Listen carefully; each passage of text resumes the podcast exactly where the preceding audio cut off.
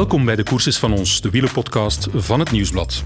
Ik ben Michael van Damme en dit zijn de sterren van de omloop Het Nieuwsblad. Je moet daar niet meer aarzelen natuurlijk. Maar er sluit veel volk aan. Het valt stil. De grote drieën zijn niet kunnen wegrijden van de rest. Dit is je kansman. Ewan, Van der Poel, Schachman, Alaphilippe, Greg van Avermaat. En Stuy zit erbij. Nu wordt het interessant. Ja, hier zijn we weer met De Koers is van ons. Horen jullie dat, beste luisteraars? Dat is het wegseizoen dat aanklopt na een lange winterslaap met de 77ste Omloop het Nieuwsblad en de 74ste Kuurne-Brussel-Kuurne. Twee koersen die het gevoel oproepen dat we vroeger hadden in de week voor Sinterklaas. We hebben hier twee uitgeslapen wielercollega's in de studio. Er hangt misschien links en rechts nog wat wintervet aan, maar zelfs in het begin van hun vormcurve zijn ze al tot grootste dingen in staat. Jan-Pieter de Vlieger, alias GP. Dag Michael. Dag GP. En Guy van der Langenberg. Dag Michael. Ja. Welk gevoel roept dat openingsweekend bij jullie op? Dat het wintervet nog, eh, nog, nog hard moet smelten. Ehm, maar we kijken er naar uit natuurlijk. Hè. Het is de eerste belangrijke afspraak van het seizoen. En die willen wij als journalisten eh, zeker ook voor geen geld missen. Ja. GP? Stress, opwinding, goed gevoel?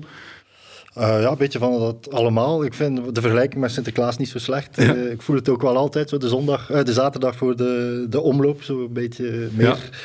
kriebels dan, dan doorgaans Ja. op zaterdag. Hij was vroeger een brave jongen die veel speelgoed kreeg. Ja, mijn lijst was toch altijd goed gevuld. Ja, oké. Goed, we hebben met enkele collega's samengezeten onder een dampkap voor een brainstorm en dat heeft een nieuw concept voor het voorjaar opgeleverd. Elke donderdagochtend zijn we er met onze sterren voor de komende klassieker en elke maandagvoormiddag brengen we jullie een podcast met een unieke nabespreking achter de schermen vanuit de perszaal bij de aankomst. Goed, een woordje uitleg bij die sterren. Hè. Eh, het is een van de klassieke formats in de krant in het uh, wielerseizoen. Voor elke grote koers geven de wielerredacteurs aan de favorieten, de schaduwfavorieten, de outsiders, sterren hè, van vijf tot en met één. Hoe gaat dat in zijn werk normaal, die sterren? Hoe bepalen jullie dat? Is dat overleg of uh, ja? Uh, meestal is dat één journalist die door de uitslagen van uh, alle voorbereidingskoersen gaat.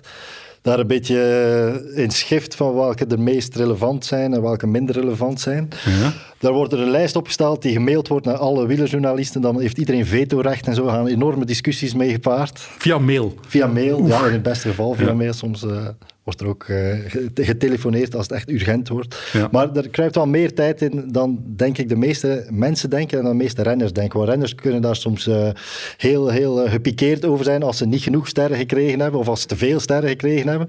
Maar dat is echt geen natte vingerwerk, terwijl dat soms wel zo ge, gepercipieerd wordt.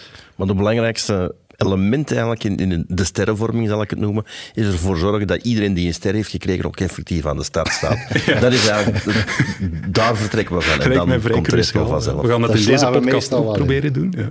Is, is dat ooit misgelopen? Ja, je hebt altijd last minute uh, op de dag zelf renners die, uh, die eruit gaan. Ik kan mij niet direct even voor de geest halen, concreet. Nee, nee, nee. nee, nee, nee. Ja, Gelukkig. De missers die vergeten we meestal heel snel. Hè? Ja. Inderdaad. Oké. Okay. Maar blijkbaar is het toch zelden dat er in de omloop iemand wint ja, die helemaal uit het niets komt dan.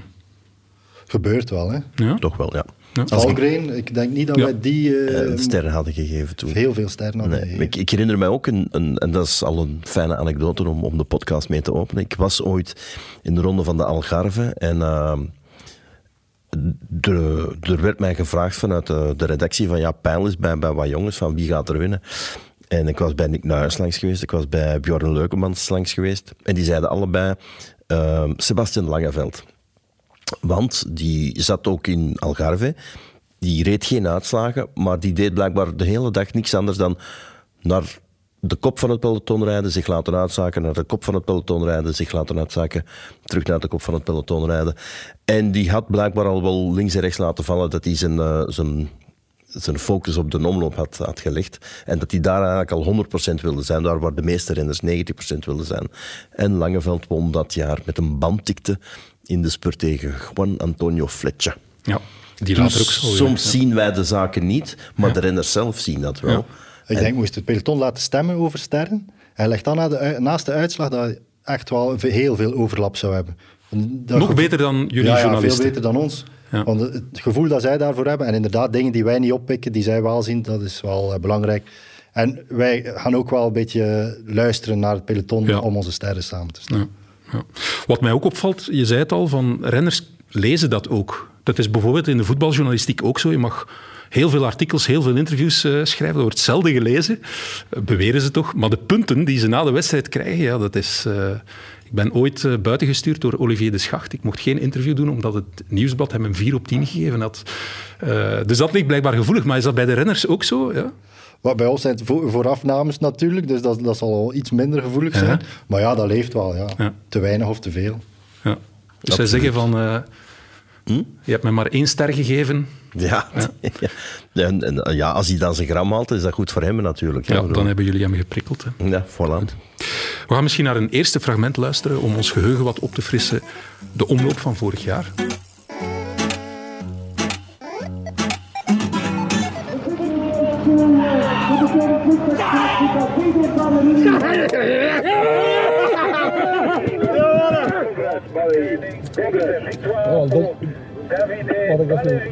Good job, man. Good job, gentlemen. Perfect race. Hij komt uit Italië, rijdt voor de ploeg de Koning Quickstep, de overwinnaar van de Omloop het Nieuwsblad 2021, Davide Ballerini!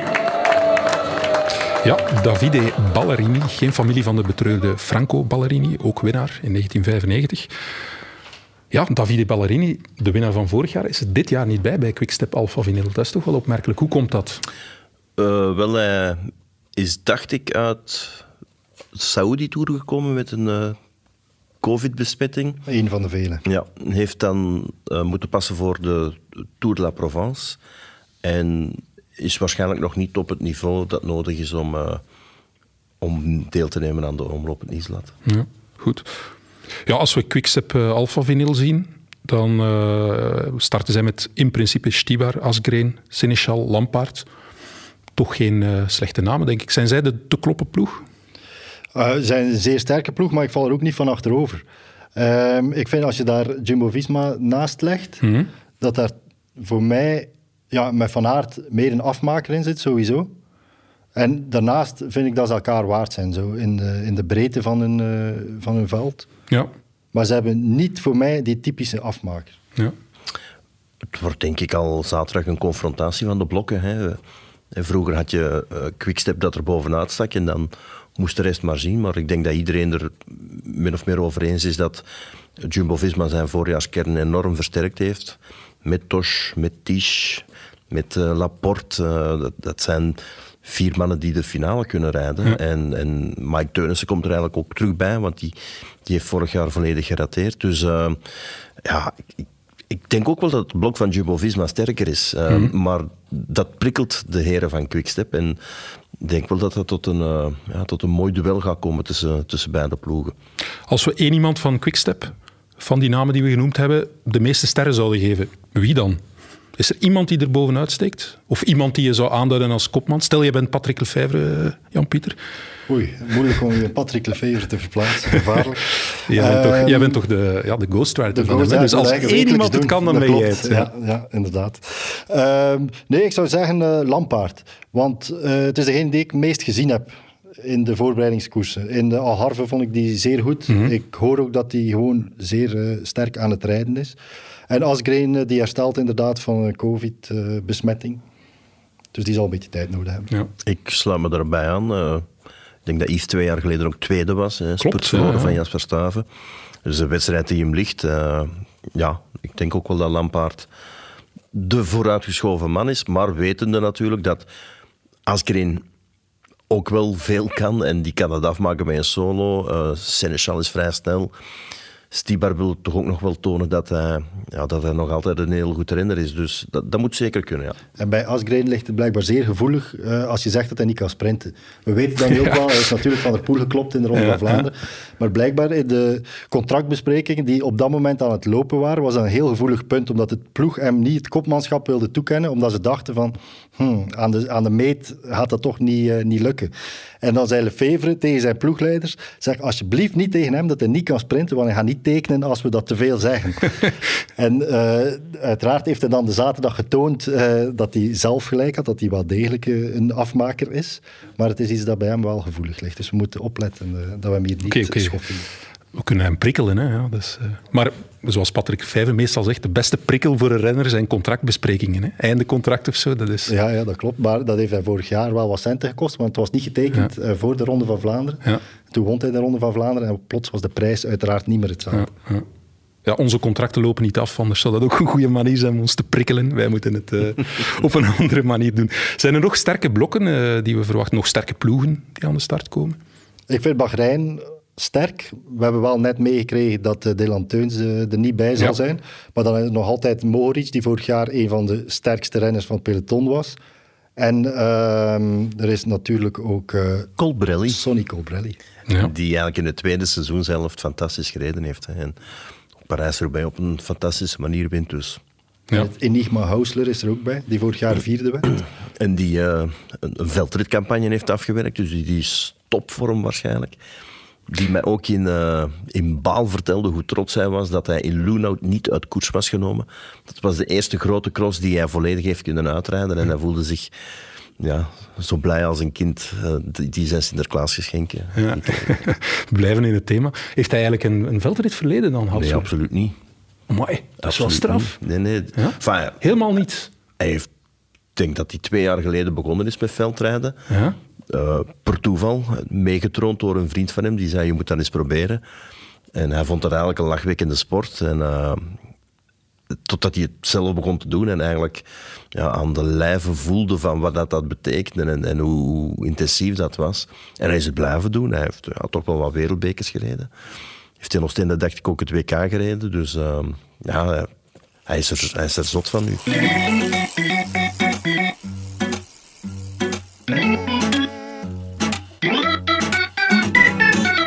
Je begint volgende, volgend weekend met het openingsweekend aan een seizoen waarin dat het een na het ander komt. Is zo'n stage, is dat stilte voor de storm of maakt dat er ook al deel van uit? Is dat ook wel iets dat uh, best pittig is? Oh ja, we trainen super hard, dus, uh, dus in die zin wel al stevig hier. Er zijn dagen bij dat, we, dat je eigenlijk het gevoel hebt dat je even hard bezig bent dan, dan de koers, dat je van s s'avonds onderweg bent.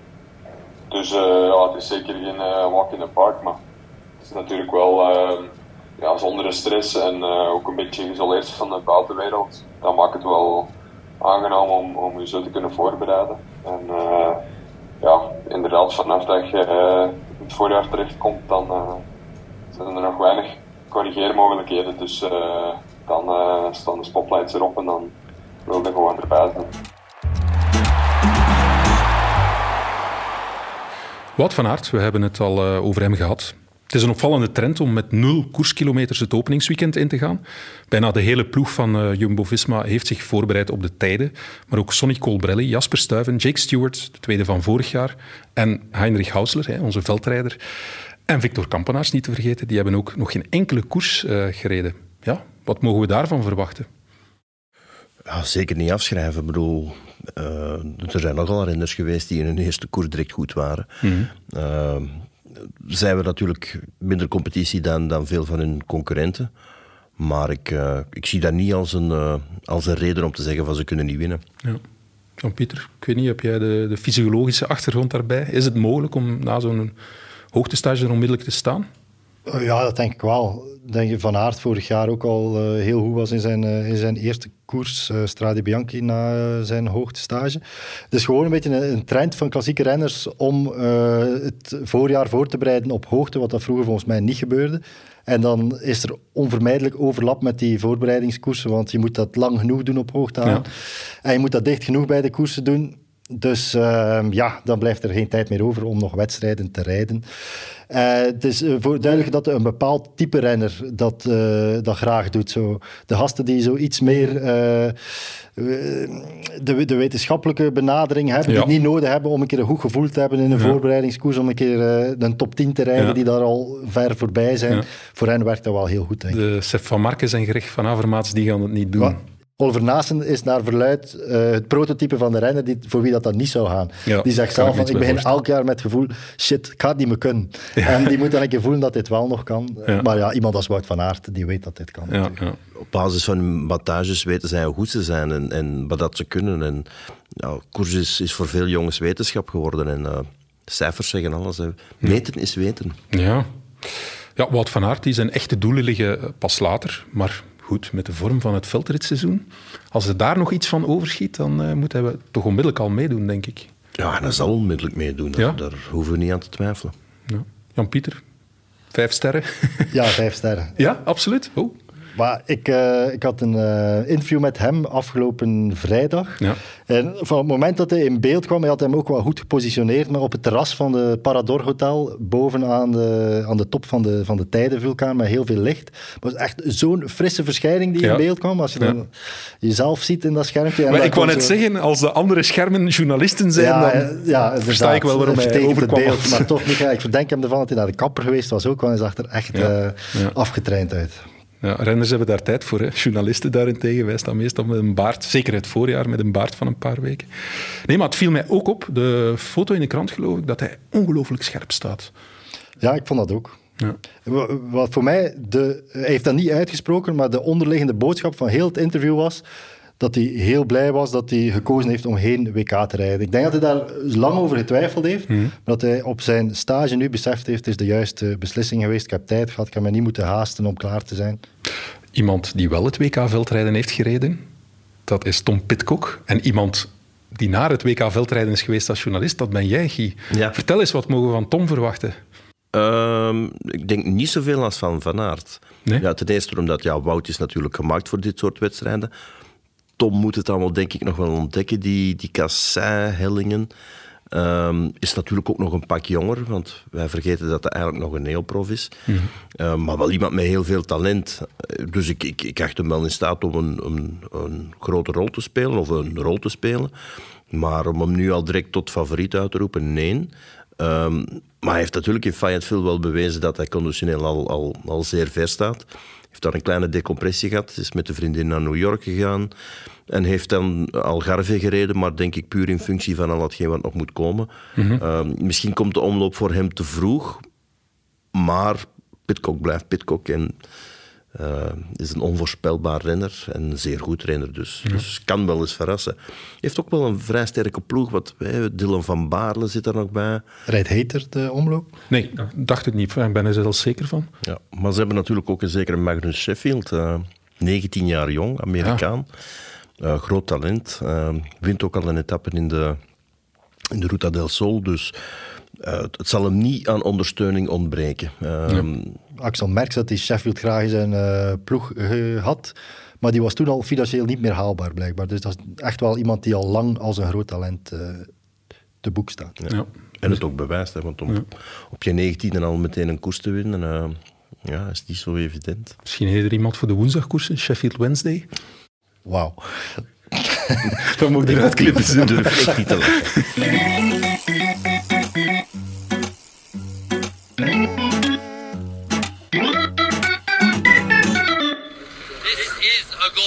uh, your season, but what is the major goal of the season? It's exactly in one week. It's like the first goal of the season on Open Nieuwsblad, openingsweekend. For the team, uh, Lotto Soudal, it's super important. I think uh, we proved like today, yesterday, that the team is very eager to make some nice results. And I'm really looking forward, but first uh, I need to finish tomorrow. We hoorden Tim Welles, die de tweede etappe van de Tour des Alpes Maritime et du Var won. De zevende overwinning al voor Lotto Soudal. En hij kondigde ook aan dat eh, Lotto Soudal erop gebrand is om die verschroeiende start door te zetten in het openingsweekend. Ja, Lotto. Sinds 2002 geen winnaar meer afgeleverd voor de omloop. Komt daar verandering in? Mm, die kans is klein. Ik, eh, ik, ik, ze wel in staat om een goede wedstrijd te rijden, maar Vermeers, Van Moer, Kampenaerts, het, zijn stuk voor stuk heel goede renners. Eh, maar om het af te maken is natuurlijk nog een ander verhaal. Het zal lastig worden om te winnen. Ja. Het was trouwens Peter van Petegem. Kleine quizvraag. Peter van Petegem. Uh, ik hoor de luisteraars al hè, discussiëren of opzoeken. Uh, Peter van Petegem 2002, laatste lotto-winnaar. De enige die het eigenlijk zou kunnen is Tim Mellens, denk ik. Ja. Die al wel eens de finale heeft gereden het jaar dat Stibar won. Derde geworden. Die ook demareerde eigenlijk. En die werd wel teruggehaald. Stibar demareerde, die, die werd niet teruggehaald. Dus uh, ik, ik, ja, en Tim is goed. Hè. En Tim doet dat wel graag. Ik denk ook dat het de enige kans is die hij krijgt in Vlaanderen van de ploegleiding. Hmm. Dus dan gaat hij wel proberen te grijpen. Het is wel, de omloop is wel interessant om te zien uh, wie dat er zich uh, als leider gaat opwerpen. Want die hiërarchie is echt niet, ligt echt niet vast, denk ik, nee, op dit ja. moment. Nee. Ja, Kampenaerts, Van Moer, Vermeers. Vermeers lijkt zo de meest aangewezen man te zijn, maar ook niet, niet heel, heel uh, uitgesproken. Dus ik ben daar ook wel benieuwd naar wie dat zich daar opwerpt als ja. de leider van de en denk je dat dat dan ook, want ja, ze rijden met elkaar, maar misschien ook een beetje niet tegen elkaar, nee, maar toch om elkaar te tonen? Om, nee. elkaar, nee? nee? Dat is toch alle signalen die we nu krijgen, ja. dat, uh, dat er echt een goede, goede cohesie in de ja. ploeg zit. Dat beetje zoals bij de ploeg van het Nieuwsblad. Ja, inderdaad. inderdaad ja. Daar, uh, maar dat horen we al van in het begin van de, de trainingskampen een nieuwe schwung. Dat zal wel een beetje een, uh, een verhaal zijn dat uh, ja. gestuurd wordt vanuit de communicatiedienst ook. Maar ja. het wordt te hardnekkig herhaald om helemaal uh, ja. een fabeltje te zijn. Plus ze zijn ook met drieën op, op hoogtestage geweest in een hotel in, in Calpe. Mm. En de filmpjes die je daar zag, dat, dat leken wel mij jongens te zijn die, uh, die elkaar goed verstonden. Ja. Waren dat filmpjes van hen zelf of van de communicatiedienst van uh, Lotto nee, Want dat, dat maakte... de, de, producer was Victor Kampenaerts. Ah ja, oké, okay, dan uh, waarheidsgetrouw. Ja. En okay. leg eens uit op hoogtestage in Calpe hoe dat je dat doet. Uh, ja, dat is, dat is een technisch procedé. Dus Alexander Kolopnev heeft waarschijnlijk met de centen die hij van Vino Kurov heeft gekregen om Luik Bastenaken Luik niet te winnen, uh, heeft daar een aantal kamers ingericht uh, die eigenlijk ja, hoogtekamers zijn, waar ze dus het, het effect van een hoogtestage kunnen simuleren. Ze kunnen zelfs perfecte hoogte instellen. Dus je, je kan slapen op 2800, op 3000, op 2400. kan je slaapkamer per slaapkamer perfect afstellen. Uh, en het voordeel is natuurlijk, je moet niet op hoogte gaan. Want, en je kan trainen op, uh, op, op, laagland. Je kan, vanuit Calpe kan je alle soorten trainingen doen. Zowel vlak, de kustlijn volgen, als uh, het hinterland bergop. Ja. Ehm, terwijl, ja, als je op de tijden slaapt, ja, als je vlak wil trainen, moet je altijd wel de tijden afrijden en ook terug omhoog rijden. Ja. Dus ja, het is vrij populair, want Lotto is er geweest. Alpes in Phoenix is er, uh, is er net geweest. Dus het, het, slaat, het concept slaat aan bij, bij de renners. Want in jouw interview, uh, Jan-Pieter, las ik dat, ja, dat het wel druk is op de tijden. Dat blijkbaar vechten is om kamertjes daar te krijgen. Ja, maar dat is al een paar jaar zo. Ja. Uh, ik heb ooit gelezen dat Nibali een hele, hele verdieping geblokkeerd had of zoiets. Als er verdiepingen zijn in de, in de Parador, ben ik niet zeker. Maar daar wordt echt strijd voor geleverd en lang op voorhand uh, geboekt. En dat was ook de reden waarom dat ze nu bij Jumbo-Visma... Normaal gezien zouden ze binnen het protocol, het covid-protocol, iedereen apart op kamers leggen. Maar omdat die zo geheerd zijn, was dat geen optie. En hebben ze toch renners ja. per twee moeten uh, te slapen leggen. Ja. Knap. Kolobnev heeft het gat in de markt gevonden. Ja, ja, ja. ja. Wij zijn te laat om uh, daarin te investeren. Ik ben, er, ben ervan overtuigd dat het, uh, dat het opvolging zal krijgen. Want mm. de voordelen zijn enorm. Hè. Je hoeft niet op die hoogte te gaan. Uh, ja, op, op, de tijd durft het al wel eens sneeuwen. In Kalpen heb ik het nog niet weten sneeuwen. Dus, mm.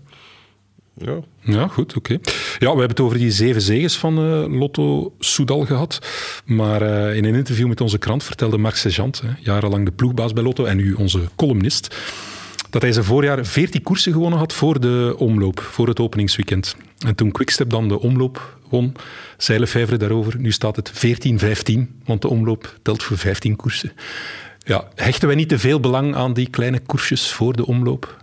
Nee, nee. winnen is winnen, dat is één. En ik ben er ook wel van overtuigd dat bij die 14 zullen ook wel een aantal ritszegens in de Tour Down Under gezeten hebben. Ja.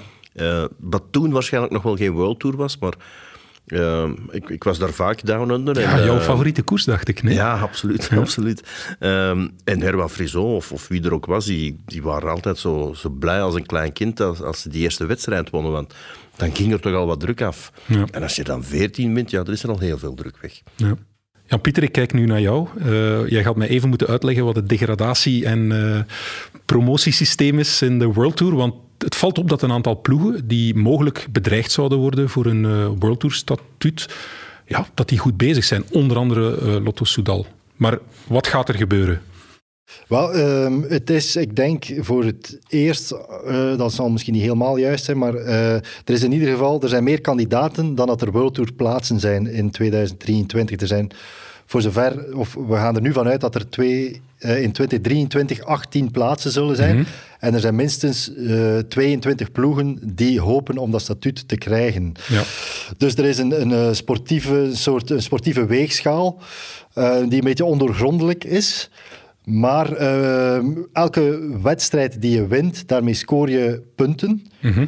En die, zoals in het voetbal, eh, zorgen voor een bepaalde rangschikking. Ja. En dus de eerste 18 ploegen op die rangschikking, die zullen normaal gezien een World Tour eh, ticket krijgen. En de ploegen die daaronder staan, die vissen achter het net. Ja.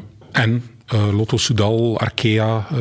Ja, Lotto Soudal staat zijn ploegen die bedreigd zijn, Ja, bedreigd. Lotto is er niet bij op dit moment. Ja. Die staan op de, op de twintigste plaats. Die moeten inhalen. Ja, zijn er in al die kleine koersen nog renners die indruk gemaakt hebben?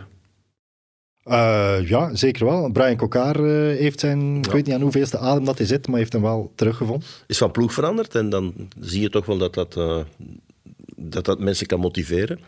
Jan-Pieter, je had mij ook een interessante naam eh, gesuggereerd. Alessandro Covi. En niet Eh, alleen omwille van zijn naam. Hè. De grapjes liggen voor het grijpen. Covi, Covid. Ja, inderdaad. Maar eh, hij, hij doet het zeer goed in ieder geval. Een Ja, van de- wie is hij? Wie is hij? Ik kan het antwoord er ook niet op Nee. geven, Michael. Het is een UAE. jonge Italiaanse renner van UAE, die toch wel makkelijk wint, die twee keer gewonnen heeft al. Ik dacht Murcia en de tweede ontsnapt mij. Ruta del Sol. Ruta del Sol. Ja, ik denk niet dat hij veel adelbrieven heeft in het Vlaamse werk, dus eh, misschien niet direct iemand om daar te verwachten, maar wel een renner met veel potentieel die zich getoond heeft eh, in de eerste koersen. Ja. Maar hij start in de omloop. Uiteraard. Ja, voilà. Misschien wordt het de eerste test voor Covid.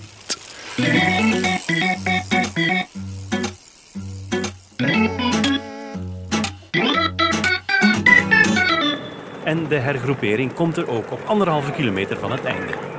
Niemand geraakt nog weg en dus gaan we sprinten. Mats Pedersen wint uh, Kuurne, Brussel, Kuurne, jawel. De ex-wereldkampioen wint Kuurne, Brussel, Kuurne voor Turgis en Pitcock. Van der Poel wordt uiteindelijk twaalfde, maar is wel de man van de koers. Ja, Kuurne, Brussel-Kuurne. Vorig jaar gewonnen door Mats Pedersen, dus een snelle man. Het was Mathieu van der Poel toen vorig jaar die ervoor zorgde dat bijna niet op een sprint eindigde met een vroege aanval, maar hij werd toch gegrepen. Ja, de laatste helling van Kuurne, Brussel-Kuurne, de Kluisberg, die ligt op 52 kilometer van de eh, finish. Wordt het een spurterskoers, een sprinterskoers, Guy? Ik denk het wel. De, de weersvoorspellingen zijn nogal gunstig, Ja. hè, dus niet te slecht weer. Plus er zijn ook veel sprinters, dus er zijn ook veel ploegen die een belang hebben om alles bij elkaar te houden. Uh, Quickstep, hè, Fabio Jacobsen. Ehm, Lotto Soudal met uh, Caleb Ewan, om, om de twee belangrijkste te noemen, Ja. denk ik. Uh, Merlier, Nizzolo. Voilà, dus Ja. het, het, het rijtje is, is lang, is zeer lang. En dat zijn allemaal ploegen die er dus belang bij hebben dat, eh, dat het tot een massaspurt komt. Want ik meen mij te herinneren vorig jaar dat dat, dat ja, niet altijd zo evident was dat er gewerkt werd. En waren misschien iets minder, spurt, eh, iets minder snelle benen toen. Enfin, het werd uiteindelijk nog wel een spurt, maar Hmm. ja, het is... ik denk dat de, de kaarten voor een massaspurt nu echt wel heel, heel goed liggen. Ja, Jan-Pieter. Ja, akkoord. Als uh, Lotto en Quickstep willen sprinten en Van der Poel is er niet, dat is misschien de enige die dat zo'n beetje in de war kan sturen. Ja. Dan denk ik dat we wel een sprint gaan krijgen. Ja. Je hebt uh, in de Saudi-tour gezeten samen met uh, Caleb Ewan. Hoe was hij? De Tour ja. of Caleb Ewan? Je mag kiezen dus hoe je de, de vraag De beantwoordt. Saudi-tour was al avontuurlijk. Uh, avontuurlijk, oei. Ja, een heel verhaal, Michael. Maar uh, dat ging door op een plaats uh, waar dat er eigenlijk nog heel weinig hotelcapaciteit is. En ehm, er waren niet genoeg kamers voor, om de hele, hele karavaan te ontvangen. En aangezien de journalisten onderaan staan in de hiërarchie van Ja. de koers, kregen wij een soort zweethut, of ik weet niet hoe ik moet zeggen, een, soort, een containertje met een bed, maar zonder, zonder toilet of zonder uh, douche. Oei, oei. Waarin Ja. we dan ja, toch acht, uh, acht dagen moesten doorbrengen. Uh, meestal, uh, wij zijn wel zo wel luxe, luxe paarden. uh, zeker als je naar die, dat soort koersen gaat, zit je meestal in zeer goede hotels. Dus dat was hard en ja, ontbering voor, voor een journalist. Maar om op Caleb Ewan terug te komen, die was wel zeer goed. Die zat ook in een, In een hotel, In een heel mooi hotel trouwens. Ja. Ja. Ehm, ja, Lotto heeft veel geïnvesteerd in hem om hem te volle te laten renderen eh, dit seizoen. Uh, Alan Davies is bijgekomen als ploegleider. Mm -hmm. Dat is een heel familiale verwantschap tussen Davies en uh, Ewan. Blijkbaar hun paas hebben ooit samen gekoerst. Ewan ja. heeft bij de grootouders van Davies ja. verbleven vroeger. Ja. Of dus, een signaal dat ze echt Ewan daar willen Davies investeren. Davies is gekomen op vraag van, voilà. van Ewan. de sprintlijn is ehm, versterkt met Rudiger Selig, met Schwarzman, met uh, Jared Drisners. Ik vind hem een zeer mooie naam. Goh, maar ook iemand die uh, Ewan heeft aangedragen. Dus ja, die willen ze laten renderen ja. dit seizoen. Enfin, hij heeft al elk seizoen gerendeerd, maar nog meer. Ja. Zeg het nog eens, Jared. Jared Drisners. Fantastisch. Ja, Fabio Jacobsen, die is ook helemaal back, hè? Ja, absoluut. Enfin, dat was al duidelijk vorig jaar in de Vuelta, dus dat hij, uh, dat hij terug op het niveau is uh, ja. van voor de val. Ja, de val in Polen, hè, met verschrikkelijke gevolgen. Inderdaad. Um, dus ja, die, die, is, die is volledig terug. Uh, maar het valt dan nog wel op dat Cavendish eigenlijk ook al heel goed is. Ja. En als je dan over Jacobsen spreekt, ja, dan is Groenewegen eigenlijk ook al wel heel goed aan het seizoen begonnen. Dus uh, ja, ik, ik, ik, ik, kijk nu eigenlijk al een beetje uit naar de Ronde van Frankrijk en de massaspurts die daar gereden zullen worden. Ja. Alhoewel dat er weinig zullen zijn, want uh, parcours is niet echt gemaakt voor spurters. Dat is dan weer jammer, maar... Uh, als je bijvoorbeeld allemaal naar de Scheldeprijs zou komen, toch het officieuze wereldkampioenschap ja. voor de spurters, dan gaan we op de Churchill-laan met drie L'en wel een uh, fantastische spurt zien, denk ik. Ik kijk vooral al uit naar al die artikels die gaan verschijnen over Jacobsen, Cavendish, uh, wie gaat naar de Tour, beiden, een van de twee. Ja. ja, gevoelige materie. Ja, daar gaat nog veel inkt over vloeien. Ja, blijkbaar was het zo, op de persdag van uh, Quickstep zat er een heel Norse Cavendish voor ons, wat dat niet zo uitzonderlijk is. Dat is wel al, uh, elke journalist zal dat wel al meegemaakt hebben, maar blijkbaar was er hem toen net gezegd dat hij uh, niet naar de Tour zou gaan, dat hij voorlopig op het programma van de Giro stond en had dat een beetje zijn humeur verpest. En wie mocht het interview doen met Cavendish, jij? Of, uh... Ja, het was gelukkig een groepsgesprek. Ah, ja, okay. Maar ik heb mij... het is niet om trots op te zijn. Ik heb er niet uh, heel actief in getoond. Nee, maar... Ik voelde dat hij er totaal geen zin in had. Ja, meestal zie je het dan... ja, zijn voet die een beetje wipt. En ook een ader, geloof ik, die zo wat opzwelt daar. dan weet je van geen vragenstelling. Ik heb ook ooit die zonde begaan, moet ik zeggen. Ja. Goed. Um... ja, en Christophe, Alexander Christophe, geloven jullie niet meer in de Oude Noor? niet, ja, als, als je aan het einde van een heel zware wedstrijd en er moet dan gespurt worden, dan denk ik, en, en Christophe is er nog bij, dan, dan heeft hij nog wel die, uh, die fond hè, uit dat imposante Noorse lijf uh, om, om een spurt te winnen. Uh, maar als je echt, en dat heeft hij eigenlijk nooit gekund, echt de confrontatie moet aangaan met de aller, allersnelste die vrij uitgerust naar de finish gaan, ja, dan komt hij hier niet aan te pas. Maar Boy heeft al een koers gewonnen en, en uh, ja, chapeau voor, voor Hilaire van der Schuren, die, uh, die hem dan toch nog een kans geeft en die dan toch eigenlijk al, al direct ziet dat er, uh, dat er rendement is. Ja. Nog een aantal onfortuinlijke renners en dan, weer, dan zoom ik weer uit naar het hele openingsweekend die we nog niet genoemd hebben, die misschien geprikkeld gaan zijn. Greg van Avermaat, Oliver Nase, kom aan jongens. Ik laat de eer aan Jan Pieter. Ja, ja uh, Greg nog, nog niet veel gezien, maar ook nog niet veel koersen gereden nee. op uh, parcoursen die voor hem zijn. Hm. Ben benieuwd. Ja. ja. Ik denk ook dat AG de Weer Citroën nog geen koers gewonnen heeft dit jaar. Nee, denk het en dat niet. is eigenlijk wel pijnlijk, want door de constant van en Citroën als co-sponsor ging het budget toch omhoog. En het is blijkbaar hoe, hoe groter het budget, hoe minder de ploeg presteert. En dat is niet logisch. Ja. Bij het nieuwsblad is het anders. Hè. Het budget wordt klein gehouden en wij presteren heel goed. Hè. Ja. Goed, um, nog namen. Peter Sagan, die start in de omloop. Ja, inderdaad, maar dat zag er niet best uit in de Tour du. Ja. Wout van Aert in het interview, ja, die liet zich toch zo wat... Ja, het leek mij smalend uit over uh, Peter Sagan. Dat ziet niet al te best tussen die twee, denk ik. Nee, dat, dat, je kon bijna zo de overwegingen van Aert zijn hoofd zien. Zou ik het zeggen, zou ik het niet zeggen? En dan, ja, ik ga het zeggen. Ja. En dan zei hij, ja, ik weet van ene die niet klaar is, het is Sagan. Ja. Maar inderdaad, ze hebben ooit een akkefietje gehad in de, in de Tour en blijkbaar is dat wel nooit uitgepraat. Ja, oké. Okay. Misschien tijdens de omloop kunnen ze het uitpraten. Ja. Inderdaad. Voilà. Maar dan uh, ja, achteraan in het peloton. Dan. ja.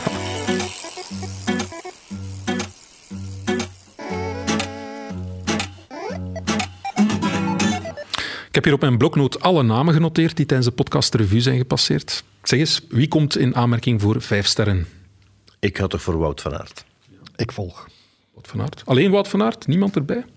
Uh, ja, vijf sterren mogen we maar aan één renner Ja, toekennen. Hè? oké, dus dat is, dat is Wout van Aert. Maar daaronder heb je natuurlijk een, een, eh, een, een heel peloton dat kan de winnen. vier en drie sterren. Zo, ja, wat- Wel, oh, ik, ik, ik het is nog een toch... glad versie, hè? dus eh, Ja, de echte ik- versie, daarvoor moeten de mensen de krant kopen. Hè? Ja, je moet sowieso ook altijd iemand van Quickstep eh, veel punten geven. We zijn daar straks Yves Lampaard. Mhm. Dus die zou ik dan vier punten geven. Eh, Tim Wellens, die indruk heeft gemaakt. Die zou ik ook eh, vier sterren Ja. geven. En dan ja, eh, komen natuurlijk ook heel wat buitenlanders. Hè, want we zijn vrij chauvinistisch bezig. Maar eh, ik denk dat, dat GP wel een aantal namen in, in gedachten Daar moet heeft. altijd een naam bij zitten die, waarmee dat een beetje interessant maakt. Ja, ja, dat is voor jou weggelegd. Ja. Ja, verras Ik ga ons. voor eh, Lutsenko. Ja, dat Geen typische Vlaamse coureur, Nee. maar wel een zeer sterke eendagsrenner. Ja. En ook wel al zijn goed resultaat gehaald in de omloop. Mhm. En nu Gaen Paraíso gewonnen. Ja. Ja. Dus, Toch een mooie koers, hè? Gaen Paraíso. Ik heb die naam kunnen uitspreken en Lutsenko kunnen vernoemen.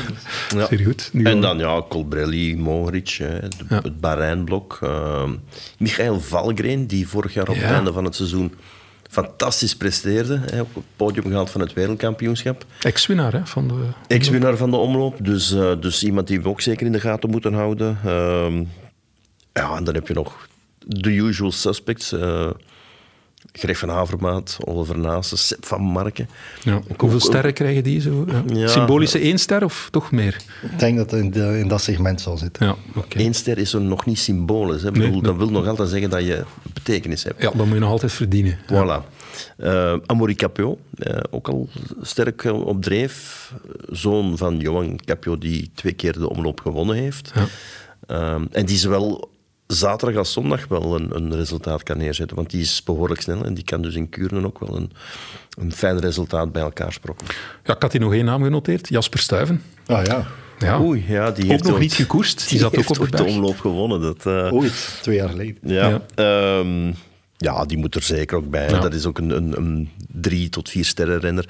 Maar de reden waarom we hem vergeten zijn, is omdat hij dit jaar nog niet gekoerst heeft. Voilà. En dat is zo altijd, god ja, oké, ja, die komt er ook nog bij. Dus, Ja. dus die, die is ons heel even ontsnapt. Eh, sorry Jasper. We zullen ja, eh, chocolade komen kopen om het goed te maken. Maar misschien doorkruisen we zijn plannen, want hij is misschien op hoogte gegaan dat iedereen men zou ver- vergeten en dan komen wij hier eh, zijn naam weer noemen. Stel. Vloekt hij van vertorie? Nee, Lukt niet. Nee. Ziezo, ik denk dat we er zijn. Aan alle eerste keren komt een eind. Meestal vrij snel zelfs bij een eerste keer. En ook aan deze eerste voorjaarspodcast van de koers is van ons. Afscheid nemen doen wij altijd in dankbaarheid. Dank aan Jan-Pieter. Zeer graag gedaan, bedankt. Ik heb begrepen dat je nog een stuk gaat schrijven. Dus, Dat is zo. eh, ja, blij dat deze podcast afgerond is. Dat, eh, ik zag je al sms'en met de eindredacteur. Ja, Die- klopt, die was al aan mijn mouw aan het trekken. Ja, oké, we gaan je laten gaan. Maar ja, ik had slecht nieuws voor hem. Ja, dank aan eh, Guy van der Langenberg. Eh, zeer graag gedaan, Michael. Voor jou begint de avond in de zetel. Ik ga nog een uh, wielertelex in elkaar knutselen. Kijk, de week voor eh, de omloop. Druk Altijd voor stress, journalisten. altijd stress. Dank aan House of Media om ons goed te laten klinken. Dank aan het Nieuwsblad, de krant van de koers en uiteraard de krant van de Omloop, het Nieuwsblad.